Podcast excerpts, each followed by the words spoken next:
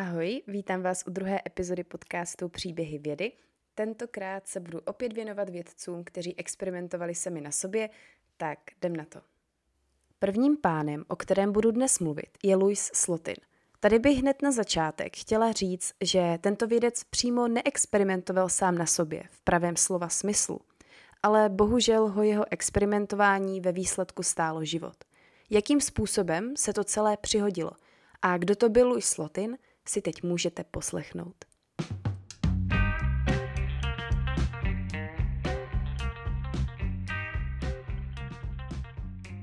Louis Alexander Slotin byl kanadský fyzik a chemik, který je známý svou účastí v projektu Manhattan v době druhé světové války.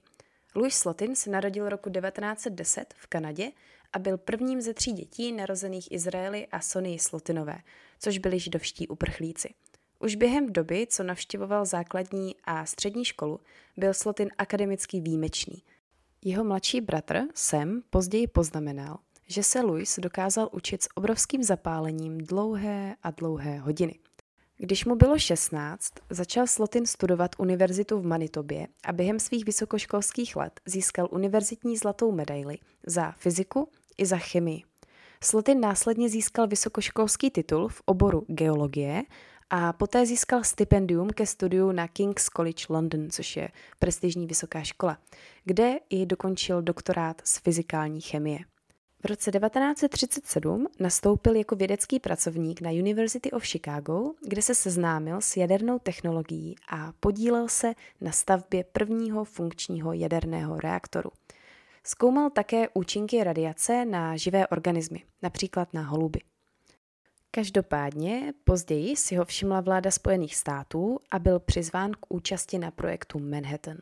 Projekt Manhattan byl zahájen roku 1942 a jeho cílem bylo vyvinout v co nejkratším čase použitelnou atomovou bombu. Projekt navázal na poznatky o štěpné reakci, kterou poprvé provedl vědec Enrico Fermi, a to 2. prosince roku 1942 na univerzitě v Chicagu v USA. Následně vznikla přísně tajná laboratoř v poušti mexického Los Alamos, kde se výzkum jaderných zbraní odehrával. Vedoucím celého projektu se stal plukovník Leslie Groves a řízení vědeckých operací dostal na starost Robert Oppenheimer. Louis Slotin byl tedy přímým účastníkem projektu Manhattan a ještě než se dostanu dál eh, v tom jeho životě a v příběhu, tak bych chtěla udělat takovou krátkou odbočku a to o tom, jak zjednodušeně funguje atomová bomba. Atomová bomba funguje na principu neřízené řetězové reakce jader těžkých prvků.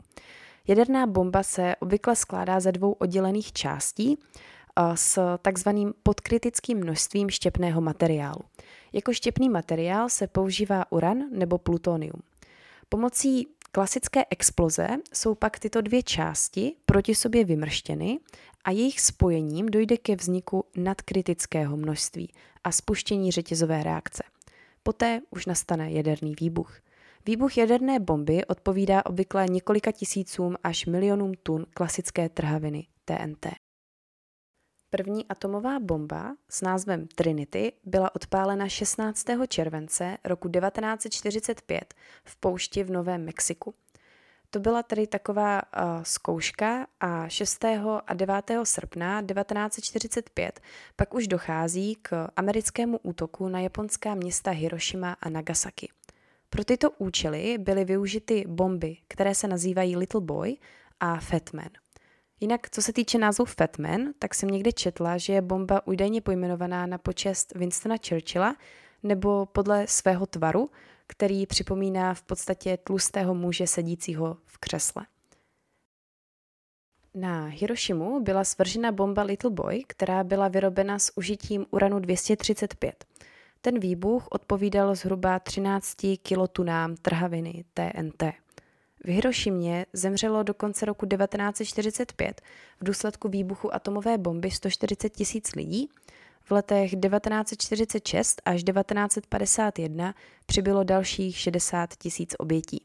Bomba zničila téměř celé město, stavby ze dřeva a cihel eh, neměly absolutně šanci proti tlakové vlně, která v hypocentru dosahovala rychlostí zvuku a ještě kilometr daleko byl nápor vzduchu větší než při hurikánu.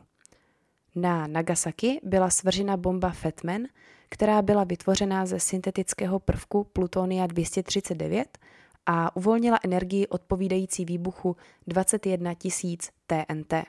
Známým faktem je, že město Nagasaki bylo záložní variantou pro shození atomové bomby. Původně, uh, původním cílem bylo město Kokura, kde však byla velká oblačnost. Co se týče tedy jaderného útoku na Nagasaki, tak okamžitě zde zemřelo 40 až 70 tisíc obyvatel, dalších 25 tisíc bylo zraněno. Další tisíce obětí zemřely na následky radioaktivního ozáření. Výbuch doprovázela teplota přibližně 3900 stupňů Celzia a vítr o odhadované rychlosti 1000 km v hodině. Bomba dopadla asi o 3 kilometry dál proti očekávání a exploze tak zasáhla zejména údolí Urakami a hlavní část města zůstala kryta. Obě atomové bomby, které byly svrženy na Japonsko, ale neměly být poslední. Původně bylo v plánu i použití třetí atomové bomby, ale Japonsko 15. srpna kapitulovalo, čili k tomu nakonec nedošlo. Třetí bomba tak nebyla použita a v USA tak zůstalo její 6 kg těžké plutoniové jádro, které bylo používáno pro výzkumné účely. A právě s tímto plutoniovým jádrem prováděl experimenty fyzik Louis Slotin, čili teď se k němu opět zase dostáváme. No, um, on s tím teda prováděl experimenty, což ho ve výsledku stálo život. Toto jádro nakonec zabilo dva americké vědce a vysloužilo si proto název Demon Core, neboli démonické jádro. Louis Slotin byl schopný experimentální fyzik a kromě toho, že byl schopný, tak byl i mírně extravagantní, protože pravidelně do práce přicházel ve vysokých kovbojských botách a s rozepnutou košilí. Každopádně vynikal velkou zručností a rozhodností a jeho nebojácnost při práci s radiací byla doslova proslulá. V zimě roku 1945 Slotin šokoval některé ze svých kolegů odvážným a dost šíleným činem.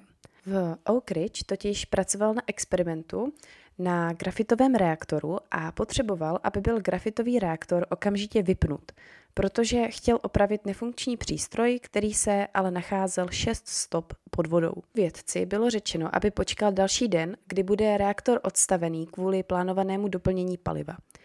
Jenomže Slotin to nevydržel a během noci se svlékl do šortek, ponořil se na dno vodní nádrže a přístroj opravil.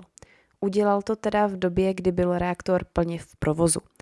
On nikdy nenosil svůj dozimetr, takže jeho kolegové mohli pouze odhadnout radiační dávku, kterou Slotin schytal. Bylo to kolem 100 rentgenů, což je nebezpečné množství, ale ještě není smrtelné. V Los Alamos se Slotin stal jedním z nejdůležitějších lidí, kteří se snažili objasnit, za jakých podmínek dochází k řetězové reakci.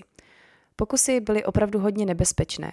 Experimenty se štěpným materiálem se často úmyslně přivedly až na samotný okraj rozjezdu řetězové reakce. Těmto pokusům se říkalo lechtání draka pod ocasem, protože když jste se při experimentu spletli a udělali jste chybu, mohlo to mít pro vás smrtelné následky.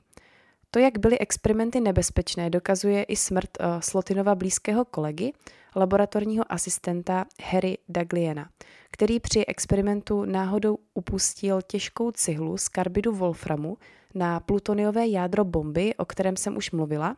Jednalo se o ono démonovo jádro. 24-letý Daglien byl ozářen velkou dávkou neutronového záření, rychle se zhroutil na akutní otravu ozářením a zemřel o 25 dní později v nemocnici v Los Alamos. Po Daglienově smrti varoval Slotina nositel Nobelovy ceny Enrico Fermi, který mu řekl, pokud si budeš takhle zahrávat, do roka bude po tobě. No, každopádně, jak to tak bývá, ani to Slotina nezastavilo a v těchto nebezpečných experimentech pokračoval dál. Provedl jich takto fakt obrovské množství a všechny provedl úspěšně. Každopádně, chvíli po válce se rozhodl, že své místo opustí a bude se věnovat kariéře mimo vojenský sektor. Řekl si, že odejde a předtím, než odejde, tak zaškolí ještě svého nástupce, Alvina Gravese. To už bohužel nestihl a to kvůli osudnému experimentu, který se odehrál 21. května roku 1946. Pojďme si popsat, co se v onen den vlastně stalo. V úterý 21. května probíhala v Los Alamos exkurze do laboratoří. Náštěvníci se podívali na laboratoře a poté šli domů, Zůstal pouze Louis Slotin a jeho nástupce, kterého zaškoloval, Alan Graves. Alan Graves řekl, že nikdy ještě neviděl ani jeden z těchto experimentů, které Slotin prováděl. To je jednoduché, to ti předvedu, odpověděl zkušený Slotin. A vydali se do speciální tlustostěné laboratoře, kde už čekalo plutoniové demonické jádro. Společně se Slotinem a Gravesem se šlo na experiment podívat dalších pět fyziků a všichni sledovali, jak se Slotin chystá předvést pokus, který už prováděl mnohokrát a úspěšně. Lechtání draka pod ocasem.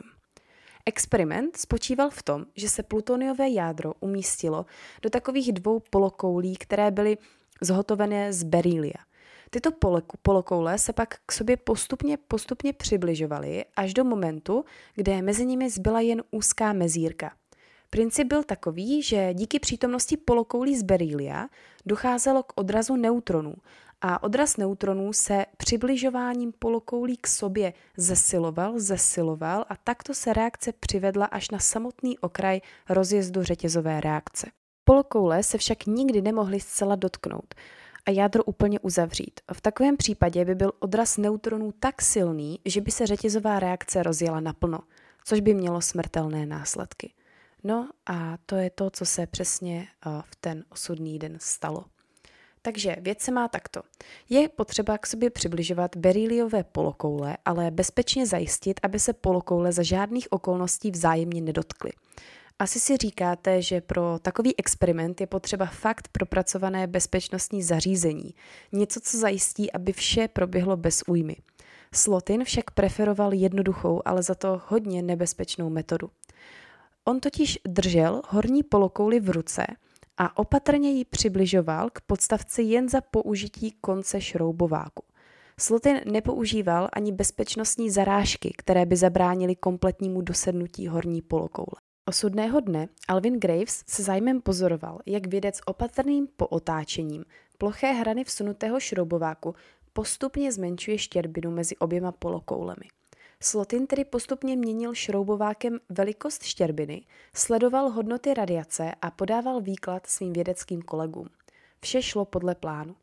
Až do momentu, kdy se mu šroubovák vysmeknul a obě polokoule na sebe zcela dosedly. Plutoniové jádro bylo kompletně obklopené a uzavřené. Objevil se modrý záblesk a vlna horkého vzduchu se rozlila místností. Slotin, který stál nejblíž, v ten moment ucítil bolest v ruce, kterou držel beríliovou polokouli a také divnou pachuť na jazyku. Okamžitě zareagoval a horní polokouli odhodil pryč. Modré světlo zhaslo. Bylo 3.20 odpoledne, vylekaní vědci utíkali pryč z laboratoře a Slotin jen tiše pronesl. A je to.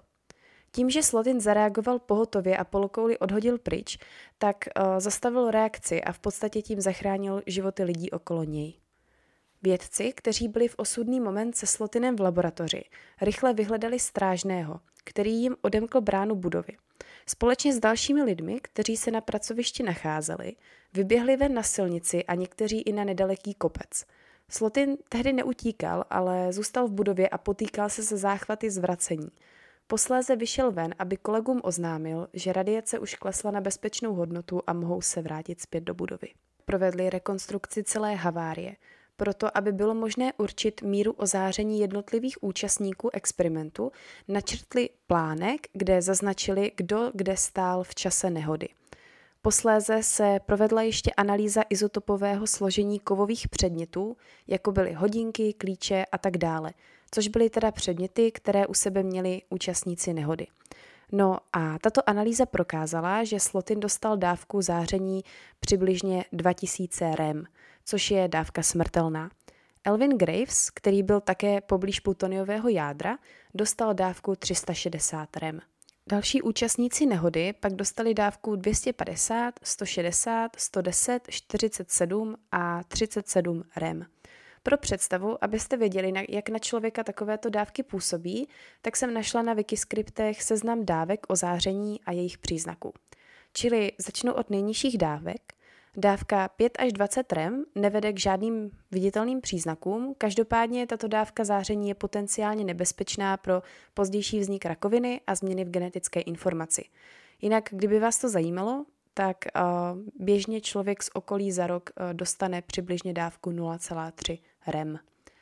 Tak, další dávka, 20 až 50 REM, kterou tedy dostali dva účastníci nehody, se neprojevuje žádnými znatelnými symptomy, ale počet červených krvinek se dočasně snižuje. Dávka 50 až 100 REM je pak už označována jako mírná otrava ozářením a projevuje se bolestmi hlavy a zvýšeným rizikem infekce z důvodu narušení funkce imunitního systému. Také se může objevit dočasná sterilita, čili neplodnost u mužů. Dávku 100 až 200 rem dostali také dva účastníci nehody a jedná se už o lehkou otravu ozářením. Typickými příznaky jsou mírná až střední nevolnost s příležitostným zvracením, začínajícím 3 až 6 hodin po ozáření a končícím do jednoho dne. Dále následuje desetidenní až 14-denní latentní fáze, po které se objeví lehké symptomy, jako je vyčerpanost. Imunitní systém je utlumený. Nemoci se léčí pomaleji a je zvýšené riziko infekce. U těhotných žen nastane spontánní potrat nebo narození mrtvého plodu. Co se týče úmrtnosti, tak se jedná o 10% smrtnost po 30 dnech. Dávka 200 až 300 rem se označuje jako středně těžká otrava ozářením a tuto dávku dostal jeden účastník nehody. Ono je důležité, kde přesně ti vědci v laboratoři stáli a jak daleko byli od plutoniového jádra. Podle toho taky dostali určitou dávku ozáření. Příznaky v tomto případě nastupují od 1 do 6 hodin po ozáření a končí po jednom až dvou dnech. Poté nastává latentní fáze, při které vypadají všechny vlasy a chlupy po těle. Objeví se únava a celkově nezdravý vzhled. Při takovýchto úrovních ozáření prudce klesne počet bílých krvinek, což výrazně zvyšuje nebezpečí infekcí. Existuje možnost permanentní ženské neplodnosti. Rekonvalescence v tomto případě trvá několik měsíců. Tato míra ozáření se vyznačuje 35% smrtností po 30 dnech. Alvin Graves, nástupce Slotina, dostal dávku v rozmezí 300 až 400 rem, která je označována už jako vážná otrava ozářením. Je zde 50% smrtnost po 30 dnech. Symptomy jsou podobné jako u středně těžké otravy ozářením a navíc se projevuje nekontrolovatelné krvácení z úst, spod kůže a z ledvin. Tak, teďka dávka, kterou dostal samotný slotin, byla v rozmezí 1000 až 5000 rem a jedná se o takzvanou akutní otravu ozářením se smrtností 100% po sedmi dnech. Příznaky se začnou projevovat 5 až 30 minut po nehodě po silné vyčerpanosti a okamžité nevolnosti přichází perioda několika dní relativní pohody. Tohle období, kdy se pacientovi přechodně udělá líp a jeho stav se jakoby zlepší, tak se nazývá latentní fáze. Celkem dobře to bylo vidět v seriálu Černobyl na hasičích, kteří byli v nemocnici a bylo vidět, že postupně najednou ten jejich stav se zlepšil, hráli tam nějak karty a tak, ale bohužel hned vlastně následující den zase se stav zhoršil, až postupně nastala smrt. Po té latentní fázi právě nastává buněčná smrt v žaludeční a střevní tkáni, která způsobuje masivní průjem, střevní krvácení a s tím je spojena ztráta vody. Smrt nastane s delíriem a komatem způsobeným selháním oběhu. Umrtí je prakticky nevyhnutelné. Jedinou léčbou je podávání léků utišujících bolest. Během toho, co Louis Slotin odjížděl do nemocnice, mluvil se svým nástupcem Gravesem a řekl mu Omlouvám se, že jsem tě dostal do takového průšvihu. Mé šance na přežití jsou mizivé. Doufám, že ty si na tom lépe. Svým kolegům také řekl, vy budete v pořádku, ale já jsem nejspíš vyřízený. V nemocnici pak Slotin telefonoval svým rodičům, kteří žili v Kanadě a oznámil jim, že je v nemocnici a zeptal se jich, jestli by ho nenavštívili. Jeho rodiče pak opravdu přiletěli letadlem, které pro ně poslal vedoucí jaderného projektu a setkali se se svým synem.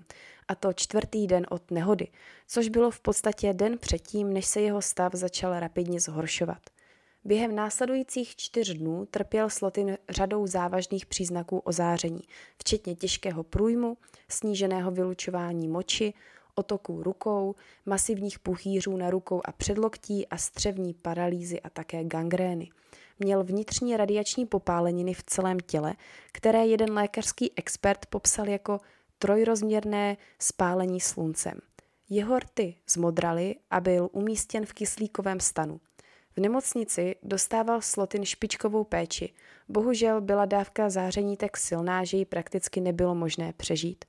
Nakonec uh, zažil totální rozpad tělesných funkcí a upadl do komatu. Slotin zemřel 9 dní po nehodě v 11 hodin 30. května v přítomnosti svých rodičů.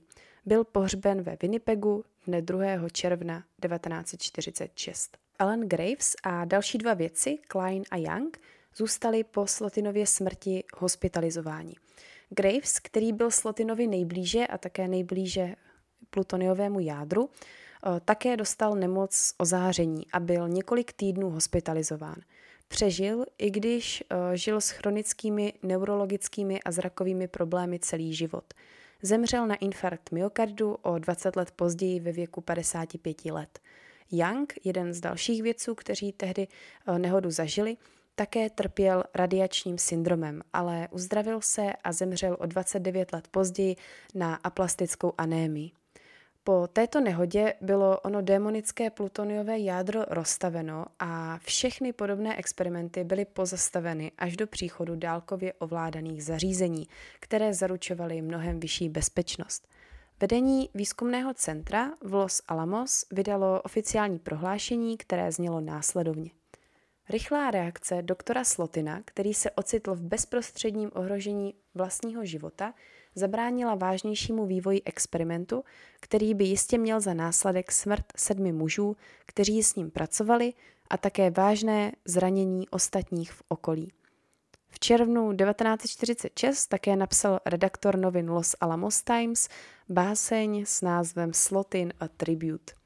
V roce 1948 Slotinovi kolegové z Los Alamos a University of Chicago založili fond Slotin Memorial Fund, jehož činností bylo pořádání různých přednášek o fyzice, kterých se účastnili i významní vědci, jako byl například Robert Oppenheimer nebo Luis Walter Alvarez.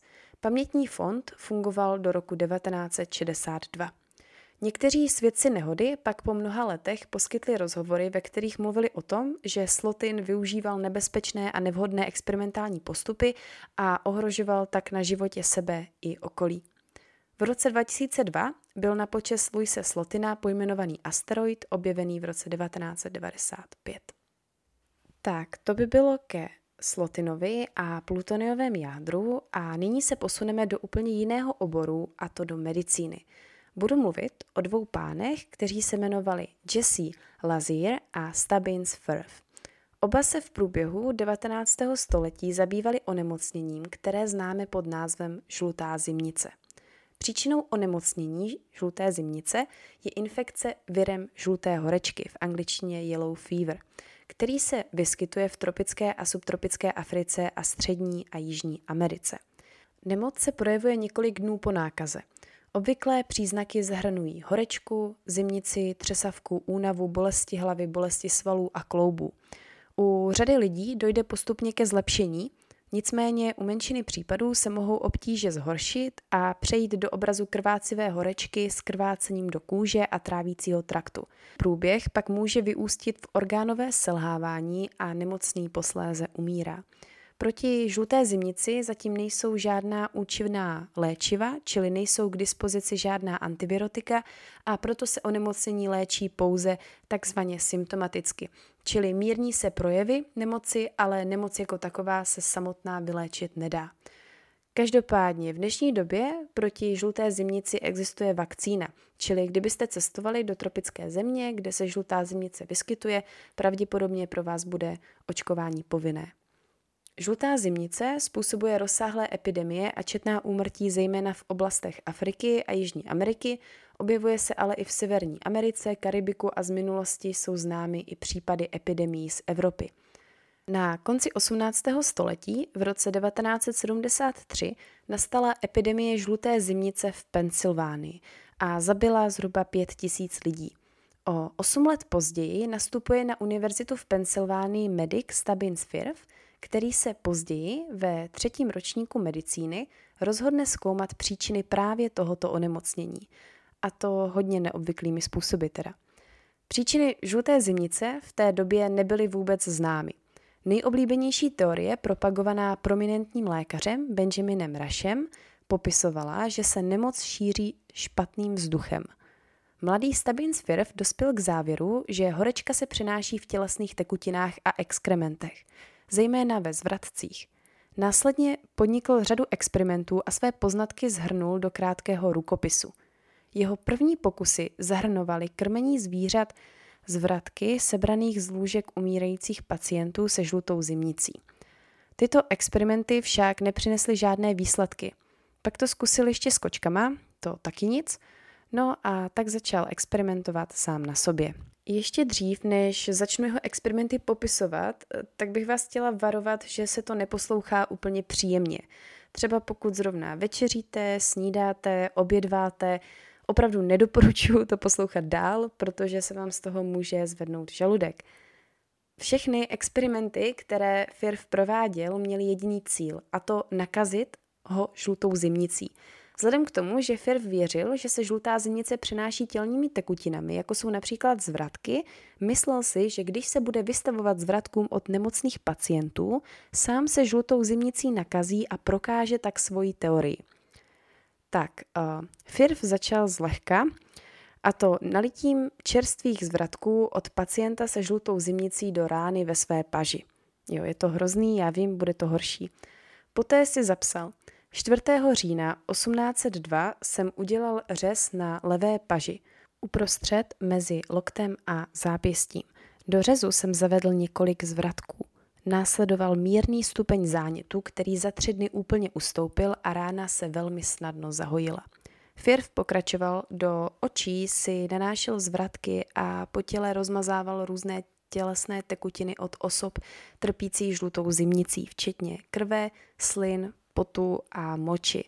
Zvratky také smažil a inhaloval páry z nich.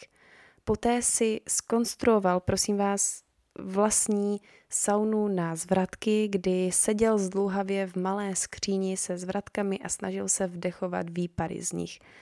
Výsledkem všech tady těchto experimentů bylo to, že se žlutou zimnicí nenakazil. Čili, aby se nějak posunul dál, tak se odhodlal asi k tomu nejextrémnějšímu kroku a to, že zvratky skutečně požije, což popsal následovně. Poté, co jsem několikrát zopakoval dva poslední experimenty s přesně stejnými výsledky, vzal jsem půl unce zvratků, bezprostředně poté, co je pacient vyzvracel a zřetil jsem je uncí a půl vody a spolkl je. Chuť byla velmi mírně kyselá, nevyvolávala ani nevolnost, ani bolest. Já nevím, jak ve vás, ale ve mně by to určitě vyvolávalo velice silnou nevolnost. Můj puls, který byl mírně silný a plný, se nezměnil. Mělo to stejný účinek, jako kdybych si vzal jen vodu. No, Um, I přesto všechno, co Firth prováděl, tak zůstal v dokonalém zdraví. Rozhodl se tyto experimenty teda opakovat, a to mnohokrát. Nakonec vypil několik dávek zvratků, půl unce až dvě unce bez ředění. Ani to nemělo žádný účinek, takže Firth dospěl k závěru, že žlutá zimnice prostě nakaždivá není. A s tímto přesvědčením pak v roce 1820 zemřel, a to ve velmi brzkém věku 37 let. Každopádně mýlil se.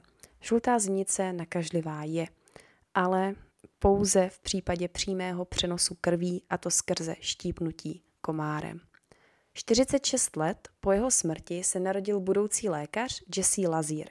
Lazier se narodil v Baltimore v roce 1866 a vystudoval městskou Johns Hopkins University v roce 1889. O tři roky později získal titul MD, což je ekvivalent našeho MUDR, na Kolumbijské univerzitě v New Yorku. Po studiích se Lazier oženil se svou manželkou Mabel a připojil se k lékařskému personálu nemocnice Johnse Hopkinse. Zde vyučoval a bádal v laboratoři klinické patologie. Práce ho podnítila ke studiu malárie a žluté zimnice. Příležitost pak našel u americké armády – Zbalil si saky paky a odjel na Kubu jako asistent chirurga, kde se připojil k vědecké skupině, kterou vedl Walter Reed. Společně tak zkoumali žlutou zimnici. Během svého výzkumu potvrdili hypotézu, že žlutou zimnici opravdu přenáší infikovaní komáři. Jesse byl jediným členem výzkumné skupiny, který měl zkušenosti s prací s komáry. A tak v tom pokračoval a běžně s nimi přicházel do styku. V dopise z 8. září roku 1900 své ženě napsal Myslím si, že jsem na stopě skutečnému původci onemocnění. Bohužel však 17 dní po napsání dopisu zemřel ve věku 34 let a to právě na žlutou zimnici po štípnutí nakaženým komárem. Jeho smrt je dodnes tak trochu záhadou. Jedna teorie tvrdí, že to celé byla nehoda a komárem byl štípnut náhodou, protože pracoval na Kubě, kde se tito komáři běžně vyskytovali. Každopádně 47 let po jeho smrti objevil lékař Philip Hench vědcův deník s poznámkami, ve kterých bylo uvedeno, že to celé byl jeho vlastní úmysl. Ze zápisů v deníku vyplynulo, že se Lazír rozhodl nechat komárem štípnout dobrovolně, aby dokázal, že se žlutá zimnice skrze komáry opravdu přenáší. No, uh, Lazírova smrt uh, pomohla vedoucímu vědecké skupiny, Reedovi, přesvědčit armádu, aby schválila a financovala další experimenty týkajících se jejich výzkumu žluté zimnice. Na počest jeho oběti po něm byla pojmenována kolej na univerzitě Johns Hopkins University, stejně jako bývalá chemická budova na Washington a Jefferson College. Také má památník ve Washingtonské národní katedrále, kde je vyobrazený on, injekční jehla a komár. Tak a mám tu pro vás poslední příběh, který se týká pána, vědce, německého farmaceuta, který se jmenoval Friedrich Serturner. Dnes je tedy známý jako takzvaný otec Morfia. Narodil se 19. června roku 1783 v Německu. Poté, co jeho rodiče zemřeli, se stal učněm lékárníka v Paderbornu. Jako 20-letý byl Serturner pouhým učněm v lékárně ve Westfálsku. Už v té době, v roce 1803, se začal zajímat o opium. Jeho cílem bylo identifikovat látky, které se v opiu nachází. Tak, opium je zaschlá šťáva, která se získává nařezáváním nezralých makovic máku setého, latinsky papaver somniferum. Um, tato šťáva obsahuje několik desítek látek, které jsou nazývány jakožto alkaloidy. Opium patří mezi nejstarší známé drogy a vyvolává euforii spojenou se změnou vědomí a ztrátou pocitu bolesti. Většinou navodí stav několika hodinové mírné extáze, na jejímž konci se dostaví spánek. Po probuzení se pak objevují různé nepříjemné pocity. Každopádně zneužívání opia jako drogy je velmi rizikové. Jeho zneužívání vede k rozvoji silné závislosti a také k mnoha nežádoucím účinkům. Velmi nebezpečné je pak předávkování, které vede například k útlumu dýchacího systému, mozkovému poškození až smrti. Co se týče historie opia, velmi stručně, po mnoho století bylo opium pojídáno a taky popíjeno. S rozšířením tabáku, což se odehrálo převážně v 16. a 17. století, se ale postupně začaly vyvíjet i techniky, které umožňovaly opium kouřit. Opium bylo v 19. století tak levné, že bylo dostupné prakticky úplně komukoliv, a to v jakémkoliv množství. Dokonce se prodávalo pivo s přídavkem opia, nebo rozšířený byl i opiový čaj, který jste jinak mimochodem mohli sehnat v lékárně až do 50. let 20. století. Opium se dnes používá především jako zdroj důležitých alkaloidů, které se využívají v medicíně a při přípravě různých léků. Látkou, která zodpovídá velkou měrou za účinky opia, je právě v něm obsažené morfium. Morfium se využívá pro potlačení velmi, velmi silné bolesti, například po operacích, úrazech nebo u nádorových onemocnění. Určitě jste také slyšeli, že morfium se dříve využívalo ve válkách, jako byla například americká občanská válka v roce 1861 až 1865, nebo třeba francouzsko-pruská válka v roce 1870 až 1871. Později pak na bitevních polích morfium nahradila nová droga, což byl heroin. Dále se využívá například kodein, který je také v opiu obsažený a slouží ke zmírnění mírné až střední bolesti. Tak, to bylo něco o opiu a teď se vraťme zpátky k německému lékárníkovi, kterému se v 19. století díky nekonečné trpělivosti podařilo izolovat alkaloid z opia, který pojmenoval právě jako morfium. Morfium podle řeckého boha snů, který nese jméno Morpheus. Morfium nebyl jen první alkaloid extrahovaný z opia, ale vůbec první alkaloid izolovaný z jakékoliv rostliny. Sir Turner se tak stal prvním člověkem, který kdy izoloval účinnou látku spojenou s léčivou rostlinou nebo bylinou. Vědecký obor, který tímto skutkem založil, se od té doby jmenuje alkaloidová chemie. Sir Turner podával krystaly morfia smíchané s potravou myším a psům. I přesto, že psy, kterým morfium podal, bohužel zemřeli, rozhodl se, že vyzkouší morfium také sám na sobě. Nakonec to nevyzkoušel jenom sám na sobě, ale společně s ním do toho šli také tři jeho 17-letí kamarádi.